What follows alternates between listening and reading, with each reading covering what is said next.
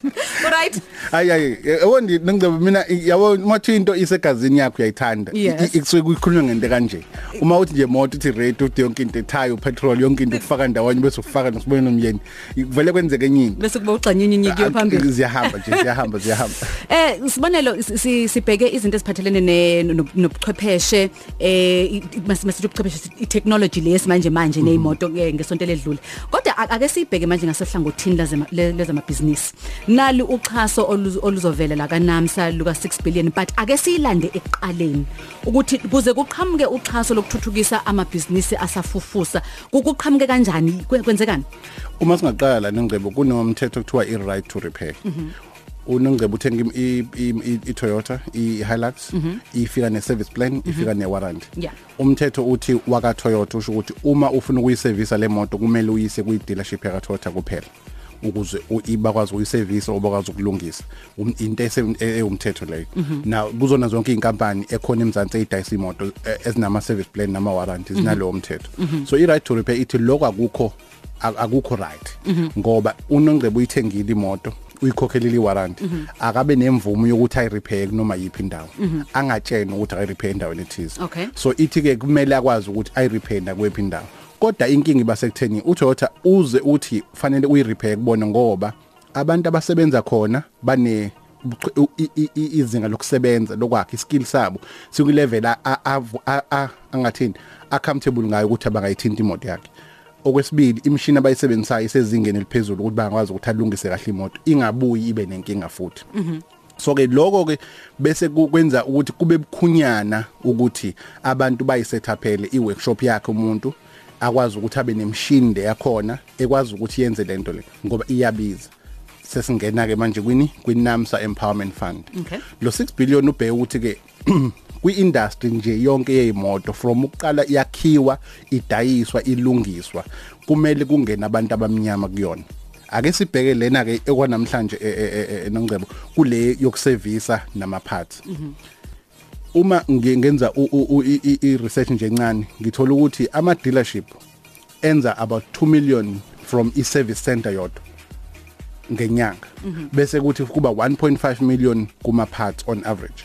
Now ku ku 2 million lo service bathi about 60% waleyo mali ye profit kule ama parts about 40% waleyo mali i profit now inkinga iba sekutheni ke uma umuntu ethi uma ngiyiset up aki workshop sibonelo eh ngithola i-funding eh sengikwazi ukuthi right to repair ngizokwazi ukusustain ukuthi ngikhokhele i-loan?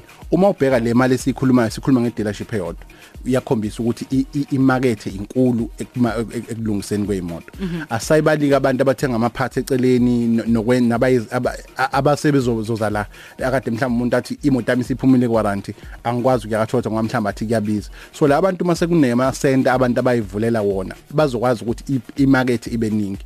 Okunye futhi sibheke eindaweni ezisondele ngakuma ngasemalokishini. ukuthi ama service center kumele abhekwe ukuthi akhiwe kakhulu eindaweni la abantu bekhona. Abantu abamnyama bathenga imoto bahlala emalokishini why singa singabi nama service center asezingeni eliphezulu akwazi ukuthi enze lento le.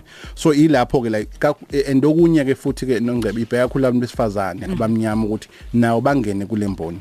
So engingakusho ukuthi mina i-right to repair izokuvumela ukuthi ukwazi ukuthi imoto i- i- i- i- ene service plan noma ene warranty ilungiswe noma ikuphi. As long as leyo ndawo isezingeni eliapproviwe. Ukuze liapprove kusho ukuthi kufanele uthenge imishini ebizayo uzokwazi ukuapply le funding uma usuyisethaphile then ukwazi ukuthi abantu baqashayo bakwazi ukuthi nabo bathole training bakwazi benze lo msebenzi. Sin- ama new ama- amathuba omsebenzi namathuba abantu bamabhizinisi embonini yabantu abamnyama. Mm. Mhlawumbe u- uma sibheka ke ukuthi ikakhulu ngapha embonini yama- yamatekisi mawubheka ukuthi le leyamboni um- umnotho olapha ya eh nanokuthi ithutha umnotho nje vele. Ngabe mhlawumbe ak- akusenento enga- engabhekwa leyo ukuthi okay mhlawumbe kube khona indlela e- e- ekuhleleka ngayo kubona? Yabona nje nongcebo uma ngabheka sikhuluma ngeDurban station, sikhuluma ngePark station, sikhuluma ngeindawo la sazi khona ukuthi ama-taxi amaningi eMzansi Afrika agcwele khona. Awubheke ke abantu abamnyama ngisho mhlamba ama-owner behlangana bevula a service center ngakulezo indawo. ukuthi ikwazi ukuthi iservice iToyota ikwazi ukuservisa iVW ikwazi ukuservisa uMercedes Benz okuyizona inkampani e, e, e, ezinemoto eziningi ngalesikhathi beyiservice beyiset up le ndawo baya ku empowerment fund bacela ifunding ukuthi bakwazi ukuthi ibe sezingeni elikhuza ama hoister imishini yonke yonto ama laptop e diagnosis yonke lento leyo ngalesikhathi sebeyenzile leyo nto nongcebo majina imali ehamba kuyona imboni ngaphakathi makuthi ama association azobe seyiset up lento imali ehamba kuyona imboni bese mhlawumbe kube khona into ethi ke uma uhulumeni ezobe basiza abaqashi abantu abasemalokishini abangasebenzi mm. baqale bayise kofundwa kuma TVET khona into automotive repair and maintenance into mm. ekhona kuma TVET mm. baqale lapho bakhokhelwe baqede khona bese bangena la bazothola uqeqesho oselubhekele nezimoto besizana nenkampani.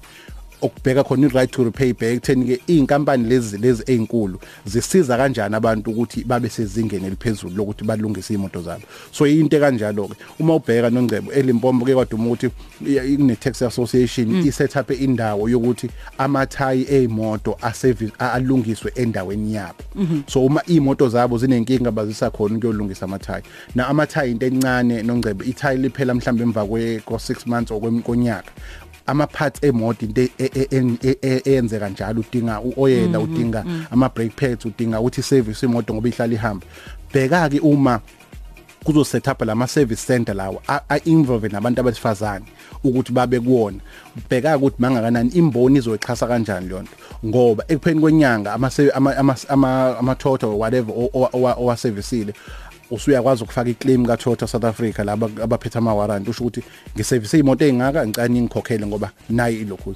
Ibhizinisi elikhulu uzolithola kulabo ngoba imali owaziyo ukuthi bazokukhokhela. Akufani nomuntu othi awungilungisela mfethu ngizobiya ngibone mase ngishaya amalodi amathathu. Lana once yalunga uToyota South Africa uyakwazi ukuthi ukukhokhela. Okay.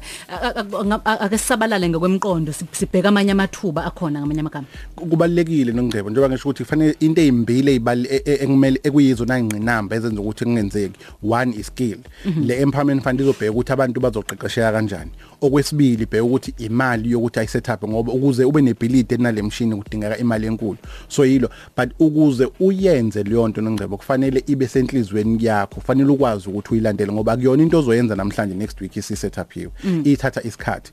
Ngesonto elizayo nje nongcebo sikhuluma no no CEO waka waka Toyota South Africa uAndrew Cape ukuthola ukuthi bona kulo 6 billion yini abazoyenza one ukuqeqesha abantu abangasebenzi two ukuthi abantu bakwazi ukuset up ama service center azo azoba sezingeni la Toyota. Imipi imigomo abayifunayo? So sobuya ke umhlambi pheni kwenyanga sibuye sesosho ukuthi ke ngoka Toyota yilokhu ukhumbule nongcebo inkampani ezu4 ezidayisa imoto kunazo zonke.